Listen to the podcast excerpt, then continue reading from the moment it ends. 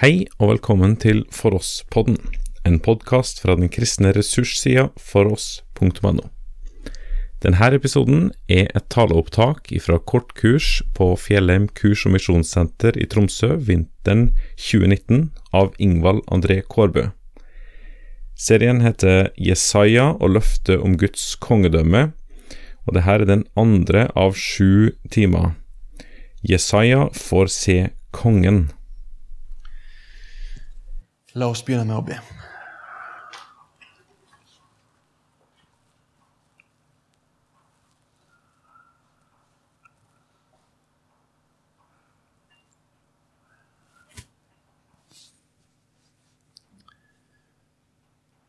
Far, vi vil eh, på nytt komme fram for deg i bønn. Takk for den bønneretten som du gir dine barn. Og at ved trua på Jesus Kristus, ja, så, så kan vi komme fram for deg.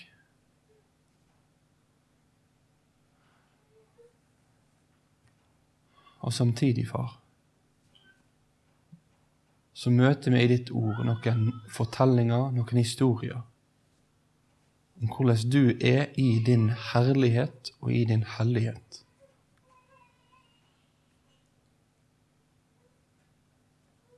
Der det blir tydelig for oss at jeg som menneske ikke uten videre kan komme inn i din nærhet. At jeg må få bli rensa fra min synd og fra min urett. Far, jeg ber deg for denne timen. At det kunne få være en time der vi får se noe av tyngden i din hellighet. Og noe av djupna i din nåde.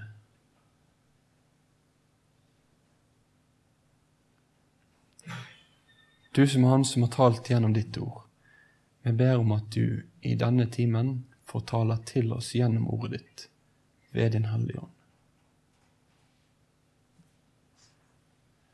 I ditt navn ber vi om det, Jesus. Amen.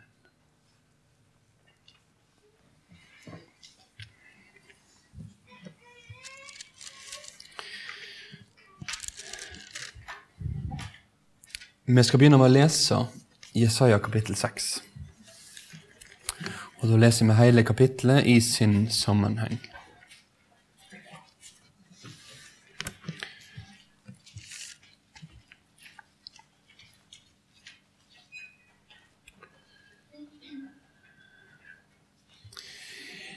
I det året da kong Ussia døde, så jeg Herren sitte på ei høg og opphøgd trone, og kanten på kappa hans fylte tempelet.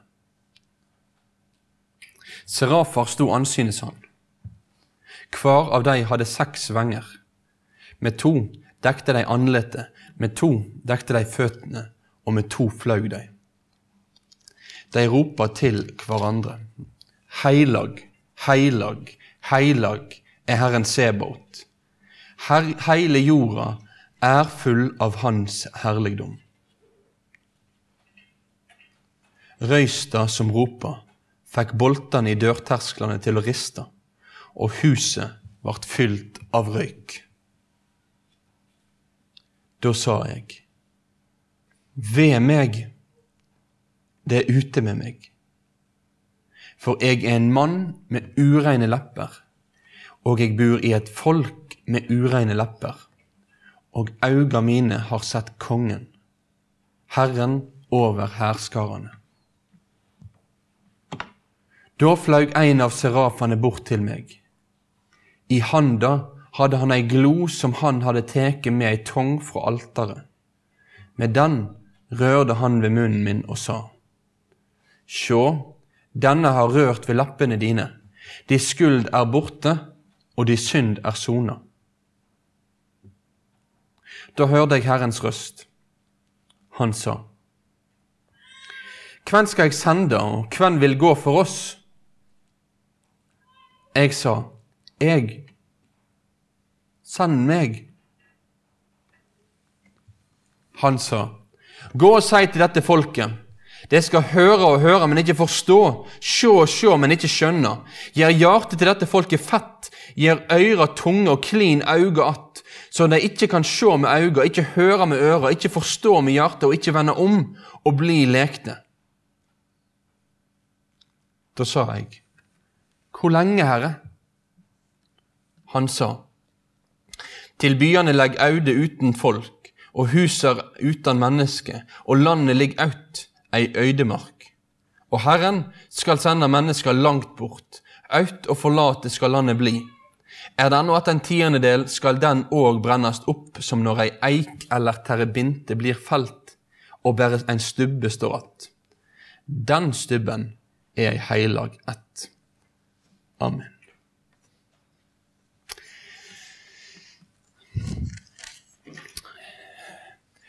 Det er en tekst som begynner med dødsfallet av kong Ussia.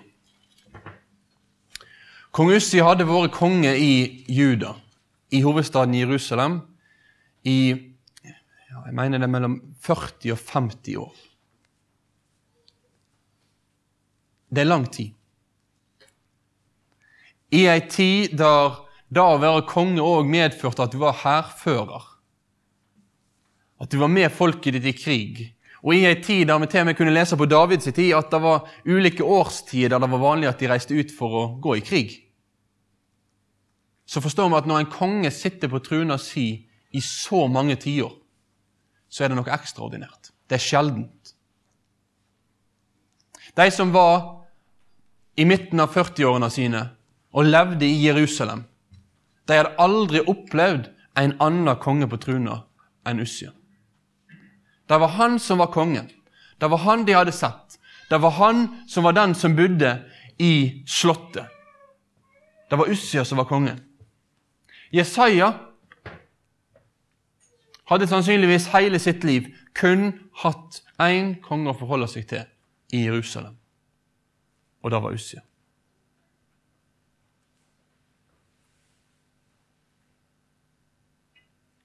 Nå er han død.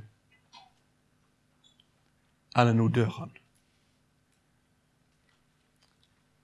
Og det er akkurat dette året her, i kong Ussias dødsår,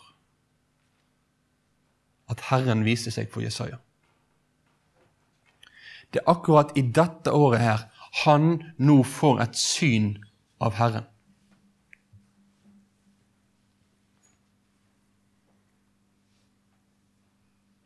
Og vi skal merke oss hvordan beskrivelsen av Herren er i starten av Jesaja 6.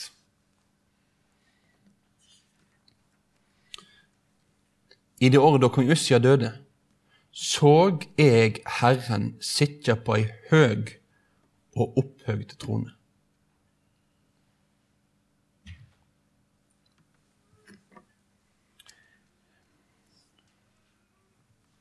Ja, Ussia kunne ha sittet på trona i Jerusalem. Han kunne ha sittet på slottet der. Han kunne ha styrt landet. Men nå så får Jesaja åpne øynene for at det er ei trune som står over den jordiske truna. At det er ei trune som står over Ussia. At det er en konge som står over kongene. Det er han som er den sanne kongen. Han som Jesaja seinere i kapittelet sier at 'mine øyne har sett kongen'.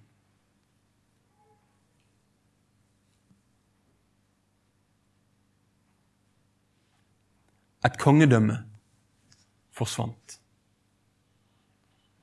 Snart så kom naboriket i nord til å bli knust, og det aldri mer kom til å være en konge i Samaria. Men Jesaja fikk se at selv om Ussia døde, så satt Herren fremdeles på trona. Herren blir ikke erstatta. Herren blir aldri erstatta. Dette er den første lærdommen vi skal ta med oss ifra Jesaja-boken.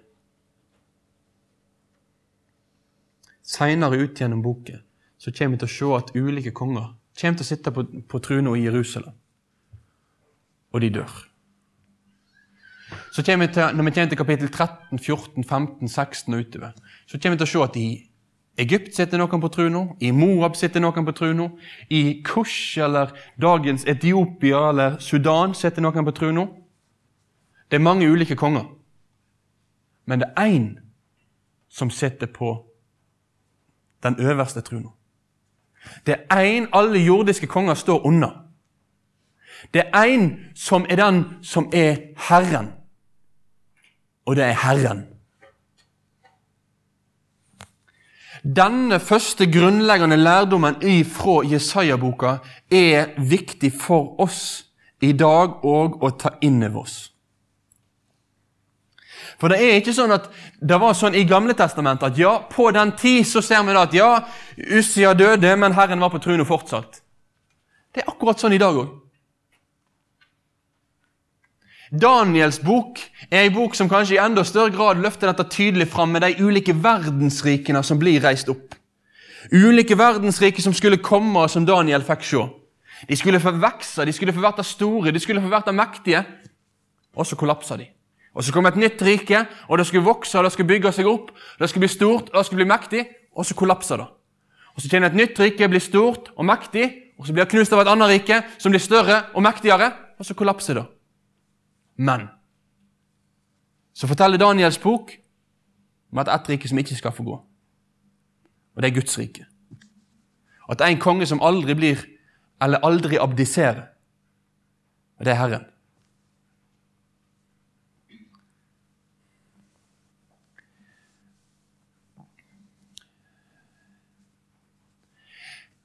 I ei tid der vi i i Vesten òg, nå kanskje i større og større grad i løpet av de siste ti årene, har begynt å kjenne litt mer av en uro for verdenssituasjonen. Etter at det har vært en stabil periode i vår del av verden forholdsvis lenge. Så dette er viktig. Hva skjer om EU kollapser? Hva skjer da? Jeg veit ikke. Jeg veit ikke hva som skjer med Europa. Hva skjer egentlig om, om Putin og, og, og, Trump bare blir mer og mer uvenner? Hva kommer til å skje da? Hva skjer hvis han er nede i Nord-Korea plutselig klikker? Hva skjer egentlig hvis, hvis Xi Jinping i, i, Kina vokser seg større og mektigere og etter hvert finner ut at han, han vil utfordre USA og, og, og deres militærmakt? Hva skjer egentlig?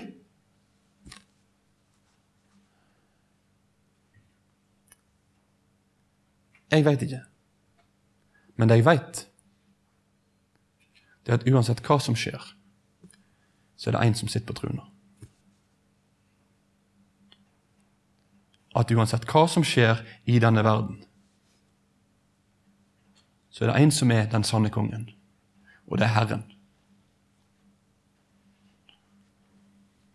Om Guds folks vilkår i vårt land har blitt verre i løpet av de siste ti årene,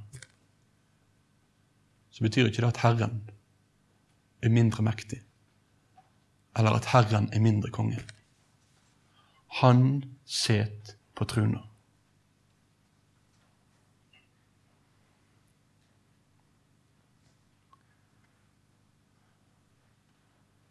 Gjennom Johannes' åpenbaring, så får vi et blikk inn i framtida. Vi får et blikk inn i tida fram mot Jesu gjenkomst. Og så er det mange ulike måter å forstå disse tekstene på.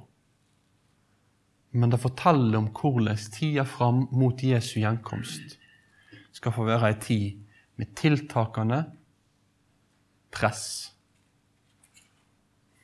på Guds folk, tiltakende forfølgelse, et skaperverk som er i ferd med å gå i oppløsning,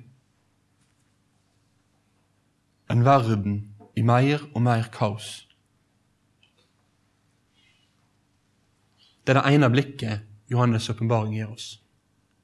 Men Johannes' åpenbaring gir oss òg et annet blikk. et blikk i himmelen. Og forfatteren av Johannes' åpenbaring han skifter hele veien fram og tilbake mellom å skildre hva som skjer på jorda, og hva som skjer i himmelen. Hva som skjer på jorda, og alt som utvikler seg der, og hva som er i himmelen.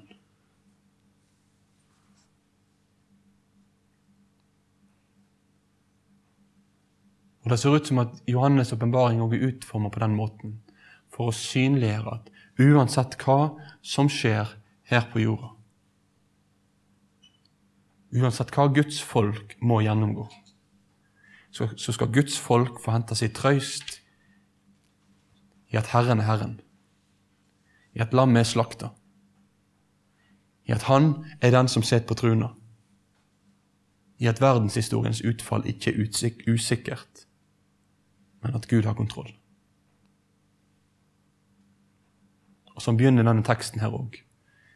I Jesaja og minner oss om akkurat dette her. Det er Herren som aldri blir erstatta, som er den store kongen.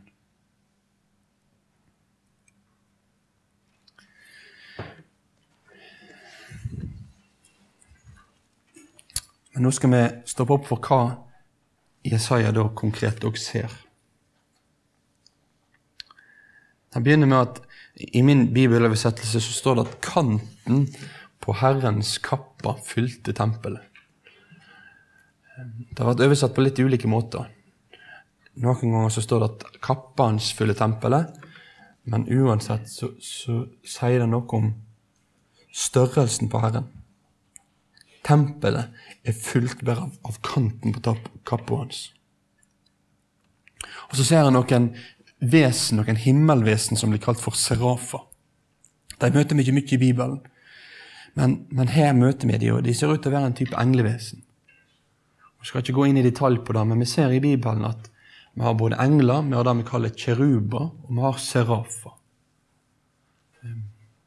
Dette er ulike ånder Herren har skapt for å tjene Herren. Og disse serafene de, de, de flyger rundt Herrens truner.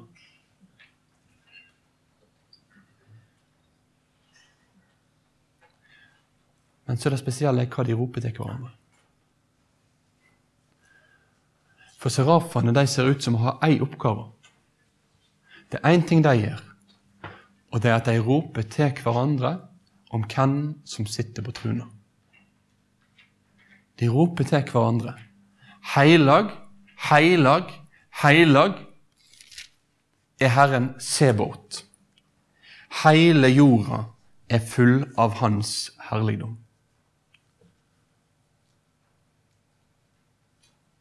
Og når de roper, så rister alt. Når de roper, så, så skjelver bakken. Så er det fullt av røyk. Dette her er et rop som, som, som ryster tilværelsens grunnvoller. De roper på den som er heilag, heilag, heilag. Det er veldig sjelden i Bibelen at vi møter denne trefoldige gjentakinger. Vi møter det ytterst sjelden. Vi møter det her, og vi møter det i Johannes' åpenbaring kapittel 4 om Herren. Og Da står det at han er heilag, heilag, heilag.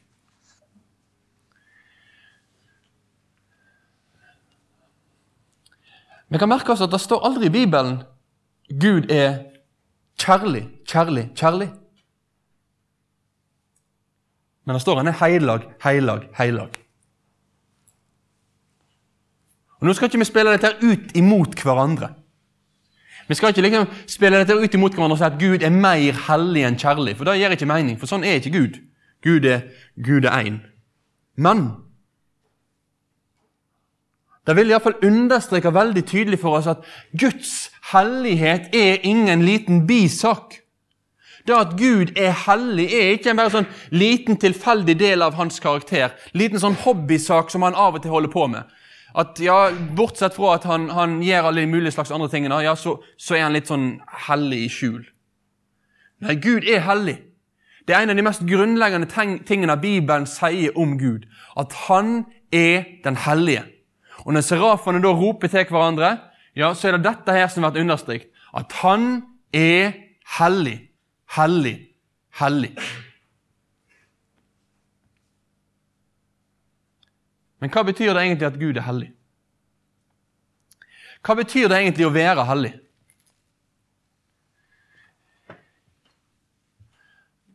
Jeg tror av og til så kan vi si at da å være hellig, så skal vi prøve å forklare det, så sier vi ja, det er å være syndfri. Eller være uten synd. Og jeg vil si at ja, det å være uten synd, eller syndfri, det er en del av helligheten, men det er ikke alt.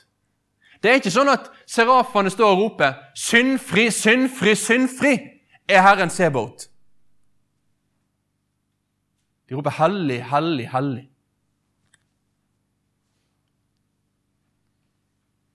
Det å være hellig handler om å være utskilt.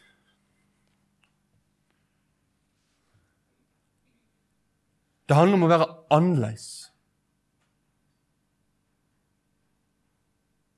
Guds hellighet har å gjøre med at det er ingen som han.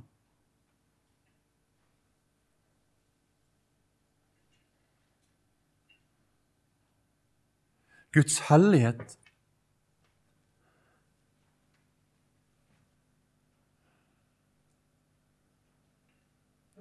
har å gjøre med hans storhet.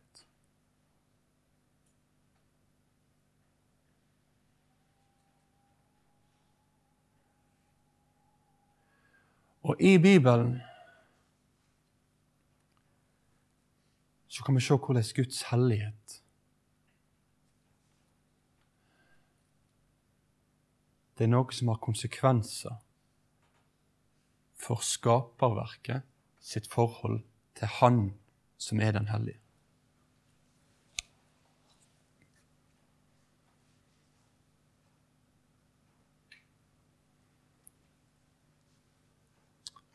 Bibelen gir veldig få tekster der det i utførlig beskrivelse blir skildra hva helligheten består i. Men vi ser en del tekster der Gud viser seg som hellig. En av de første tekstene er det som skjer rett etter at tempelet, nei, tabernakelet har blitt innvia i tredje Mosebok. Aron, som øverste presten, han har fått båret fram offer til Herren. Det er som ild fra himmelen som sluker opp offeret.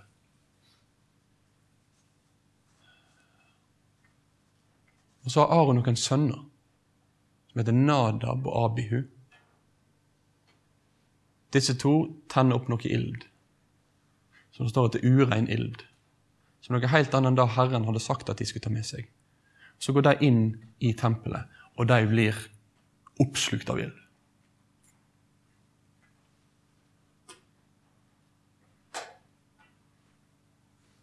Og så sier Herren etterpå til Moses det var dette jeg mente når jeg sa at på de som står deg nær, vil jeg vise min hellighet.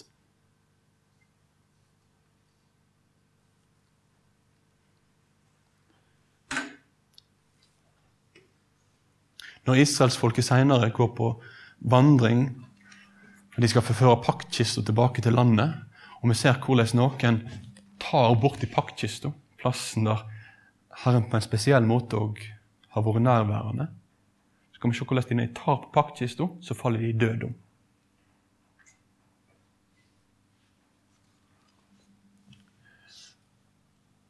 Så er det noen av disse tekstene her som vi kunne fulgt og videre gjennom Bibelen, som viser hvordan det at Gud er hellig, det medfører at jeg som menneske ikke uten videre kan nærme meg Han. Det understreker at jeg som menneske ikke kan komme fram for Han hvordan som helst.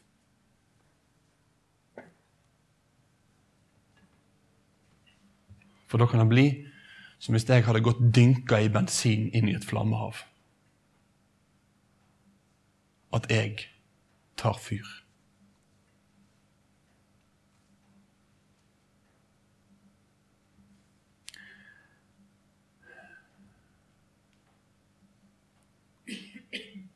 Men Jesaja får her se Den hellige. Og når han får se Den hellige, så kan vi se hvordan møtet med Den hellige Det er et møte som som avslører han. Det er et møte som blir overveldende, og som blir avslørende for han. Han opplever at ingenting kan skjules for denne kongen. Det er ikke en kongen kan pynte, pynte seg for.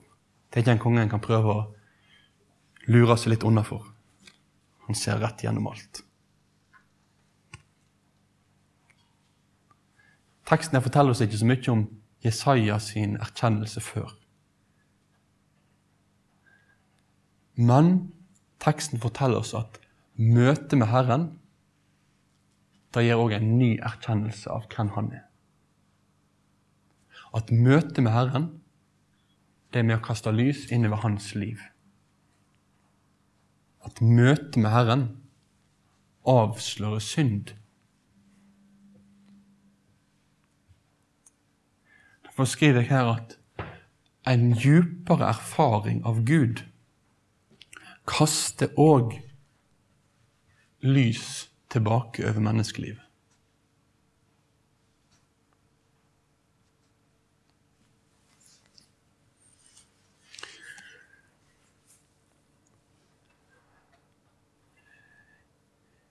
I Tromsø har vi mørketid. Ikke nå, men midt på vinteren. Og Da kan vi sitte og snakke i lag.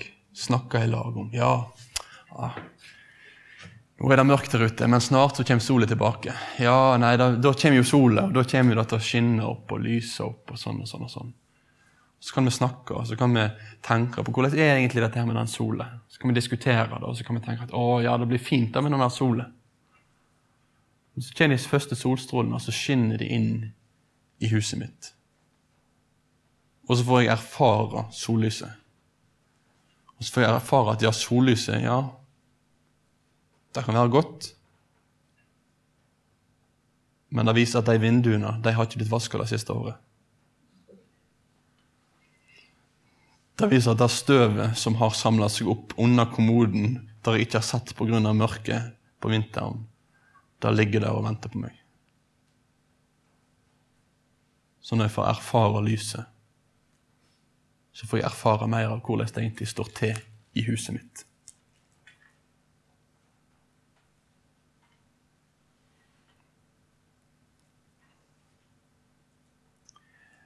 Jesaja møte med Herren er ikke enestående.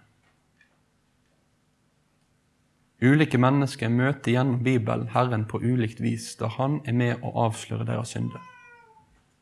Vi skal ikke tegne et mønster av dette her, og si at alle mennesker må møte Herren på samme måte som Jesaja gjorde det. Men det vi kan si, det er at når mennesket faktisk forstår noe av sannheten om Herren,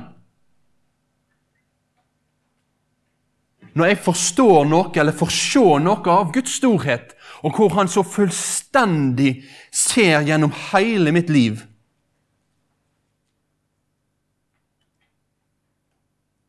Så er en konsekvens av det at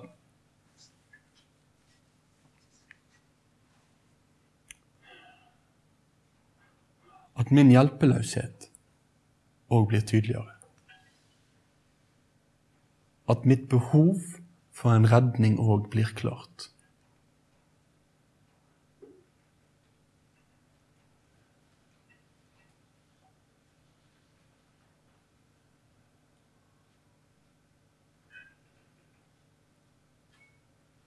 Og i dag er Gud den hellige Gud.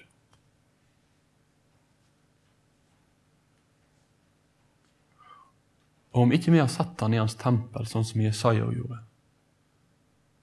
så kan jeg si at Herren ser akkurat like mye av ditt liv og mitt liv som da han gjorde av Jesajas liv. Han kjenner akkurat like mye til hva som skjuler seg i hjertet vårt, som hva som skjulte seg i Jesaja sitt hjerte.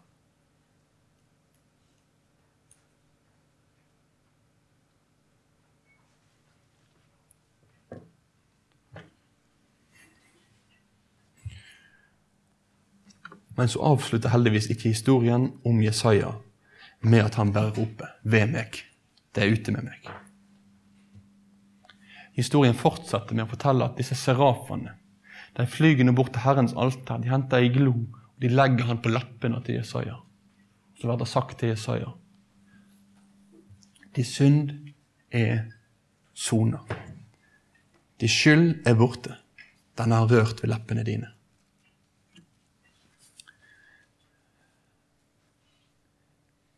Det Jesaja sa om seg sjøl, det var sant.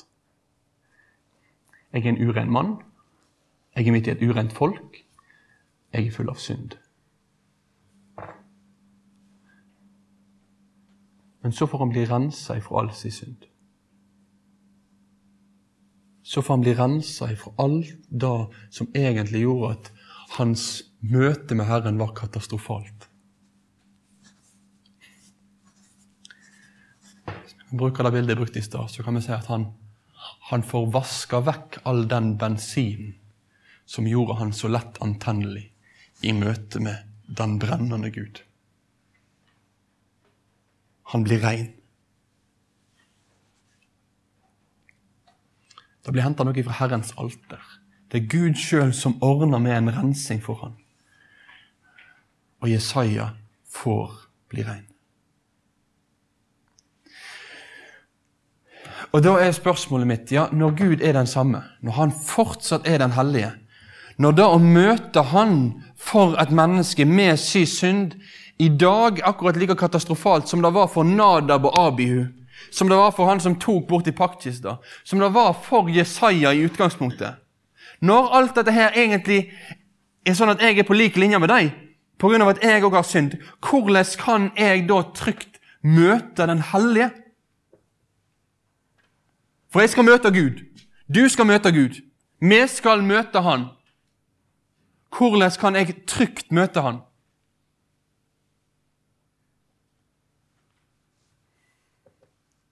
Jo, jeg kan trygt møte Den hellige kun ved at jeg sjøl blir rensa og gjort hellig.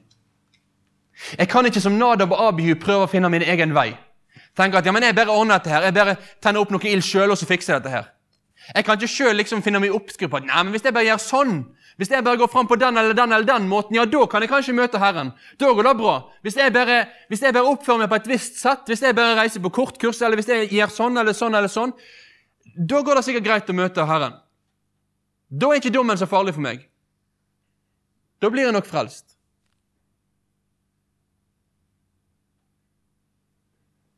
Men Bibelen sier at det er ikke noe annet som kan skje, som kan være til hjelp, enn det å bli rensa, enn det å bli gjort hellig. At det er bare det som kan redde meg.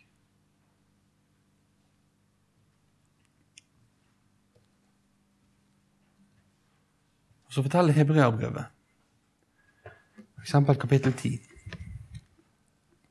om hvordan Guds folk blir gjort hellig ved Jesu Kristi død. La oss lese sammen noen vers der.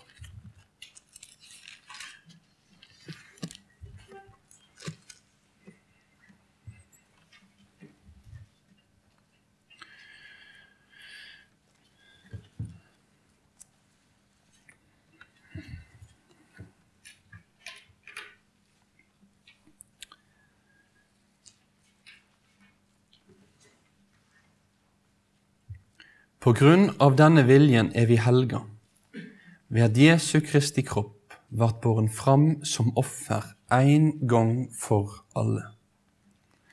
Så videre vers 14. For med ett eneste offer, eller ei eneste offergave, har Han for alltid gjort de som blir helga, fullkomne. Og så vers 19.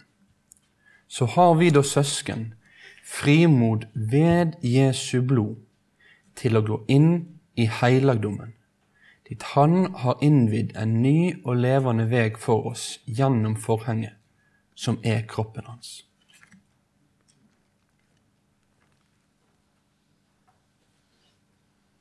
Hvordan kan jeg få møte Den hellige? Jo, ved at jeg får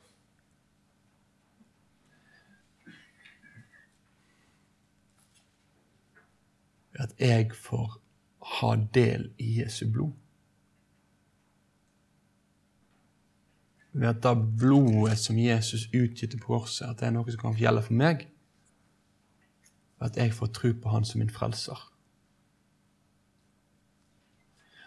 Og Det siste verset, der vers 19, er et spesielt vers, for da er det snakk om en ny og levende vei inn i helligheten. Inn i det aller helligste, der mennesket egentlig ikke kunne gå. Inn i Guds nærhet. Inn framfor den helliges åsyn. Og så forklarer Bibelen meg at ja, men i Jesus så kan jeg få komme fram for Gud. Som min far. Han er fortsatt den hellige. Han er fortsatt den som ser alt, veit alt. Han er fortsatt den som er høyt, høyt opphøyd og sitter på ei høy trune. Han er fortsatt den som ser alt. Men han er òg den som har ordnet med en soning for mine synder. Sånn at jeg i Jesus kan få komme til Han, være hos Han og leve med Han.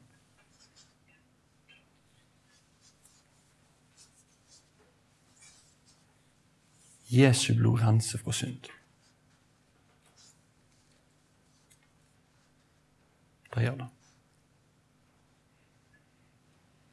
Og så kunne vi avslutte timen med at ja, så sier Jesaja, eller Gud spør, hvem vil gå? Hvem skal jeg sende, og hvem vil gå for oss? Og så svarer Jesaja, jeg send meg. Og så kunne vi hatt en sånn hyggelig avslutning. At ja, der slutter denne teksten her. Og så kunne vi synge 'Jesus, her er jeg, send meg'. Barnesang. Og synge så fint om det. Og det, det, er flott at vi skal få, på bakgrunn av at vi blir rensa for våre syndige, så skal vi få bli kalt inn i tjeneste for Herren. Men Jesaja fikk ei veldig spesiell tjeneste.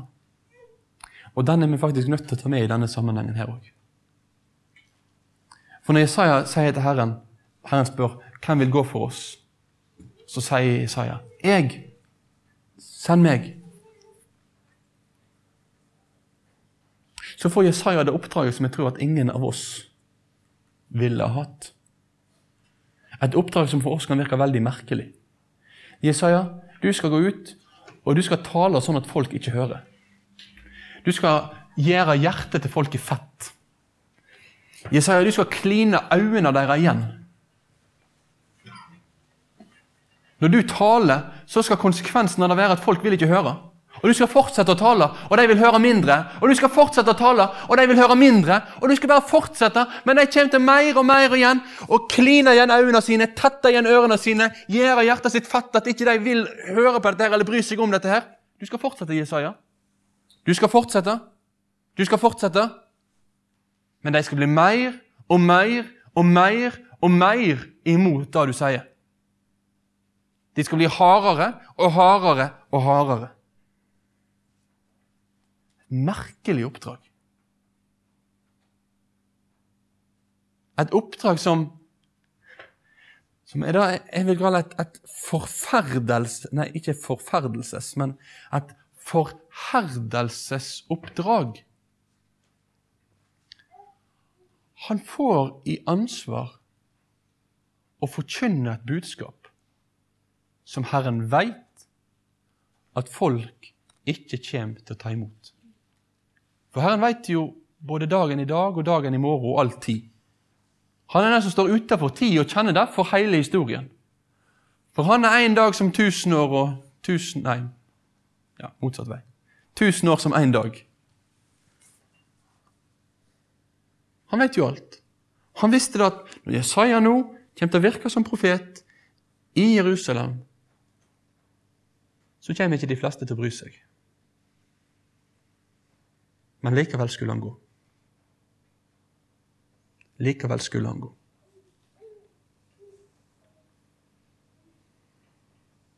Hvorfor? Hvorfor i alle dager får Jesaja dette oppdraget?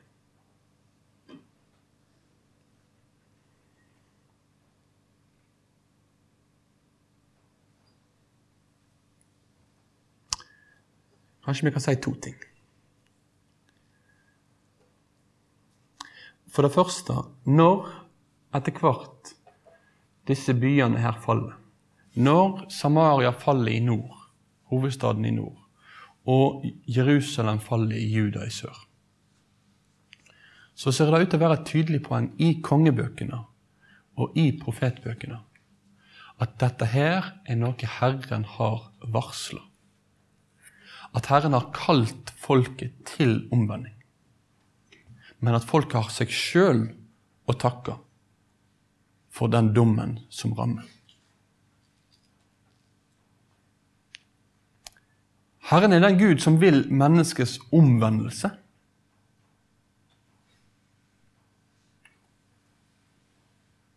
Men i Guds dom så holder fortsatt Gud mennesket ansvarlig. Men hvem er da skyldig for at mennesket blir dømt skyldig? Jo, Bibelen gir et klart svar at det er mennesket sjøl. At det er ikke Gud som er slem når han dømmer. Det er ikke Gud som er ondskapsfull når han dømmer. Det er ikke han som sitter i himmelen og bare lengter etter nå skal jeg endelig få lov til å knerte et folk. Gud sender sine profeter. Når folket sier nei, så må de stå ansvarlig.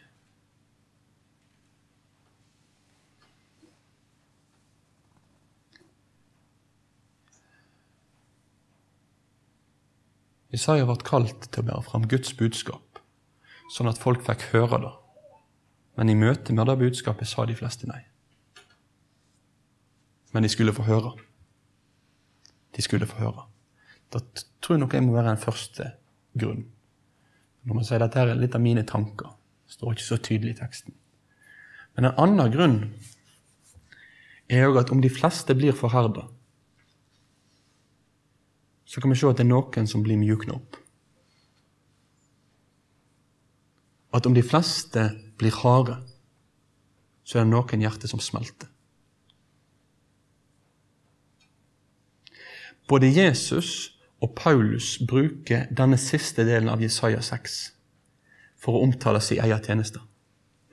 Det er faktisk en av de mest siterte tekstene i evangeliene og i apostelgjerningene. Det skulle ikke vi tro.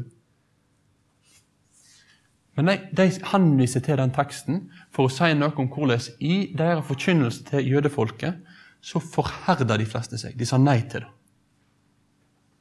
Men så forteller historien oss òg om at det er noen som smelter. Det er noen som blir grepen av budskapet. Det er noen som kommer til tro på Herren. Så tror jeg vi skal ta det med oss helt som en avslutning. At dette her forherdelsesoppdraget Jesaja fikk Det er kanskje også noe som skal få være til en påminner for oss i dag om at ja, Guds folk er kalt til å få være et folk som vitner om Herren.